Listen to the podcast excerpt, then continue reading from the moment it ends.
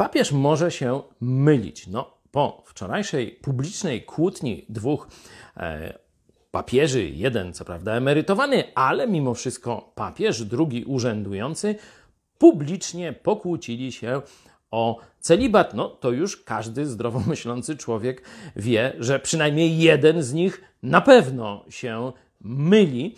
E, także pytanie tytułowe mamy już załatwione. Pokażę Wam jednak w Biblii rzecz poważniejszą. Nie tam jakiś papież, który uzurpuje sobie to, że jest e, następcą apostoła Piotra, bo to jest guzik, prawda? Nie ma na to ani żadnych świadectw biblijnych, ani historycznych.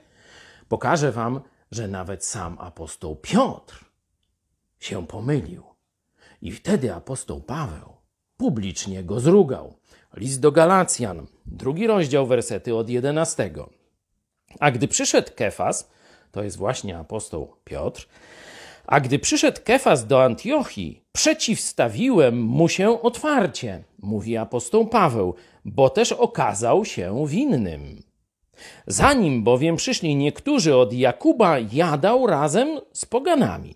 A gdy przyszli, usunął się i odłączył z obawy przed tymi, którzy byli obrzezani.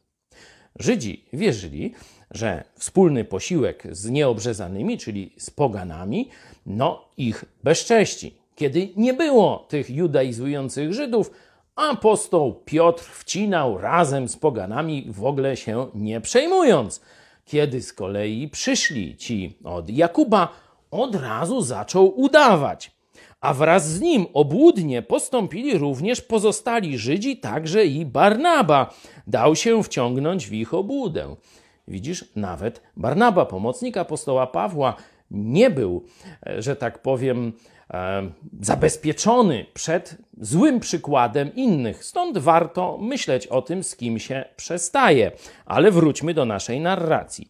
Ale gdy spostrzegłem, że nie postępują zgodnie z prawdą Ewangelii, powiedziałem do Kefasa, czyli apostoła Piotra, wobec wszystkich. Publicznie go zrugał i mówi tak: Jakże ty, będąc Żydem, po pogańsku żyjesz, a nie po żydowsku, czemuż zmuszasz pogan żyć po żydowsku, czyli zachowywać Stary Testament, obrzezanie i tak dalej. I pot, potem pada ten bardzo sławny werset szesnasty z drugiego rozdziału. Wiedząc wszakże, że człowiek zostaje usprawiedliwiony nie z uczynków zakonu, a tylko przez wiarę w Chrystusa Jezusa. A tylko przez wiarę w Jezusa Chrystusa i myśmy w Chrystusa Jezusa uwierzyli, abyśmy zostali usprawiedliwieni z wiary w Chrystusa.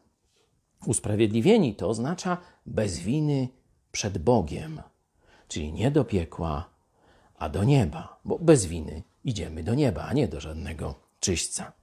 Abyśmy zostali usprawiedliwieni z wiary w Chrystusa, a nie z uczynków zakonu, ponieważ z uczynków zakonu nie będzie usprawiedliwiony żaden człowiek.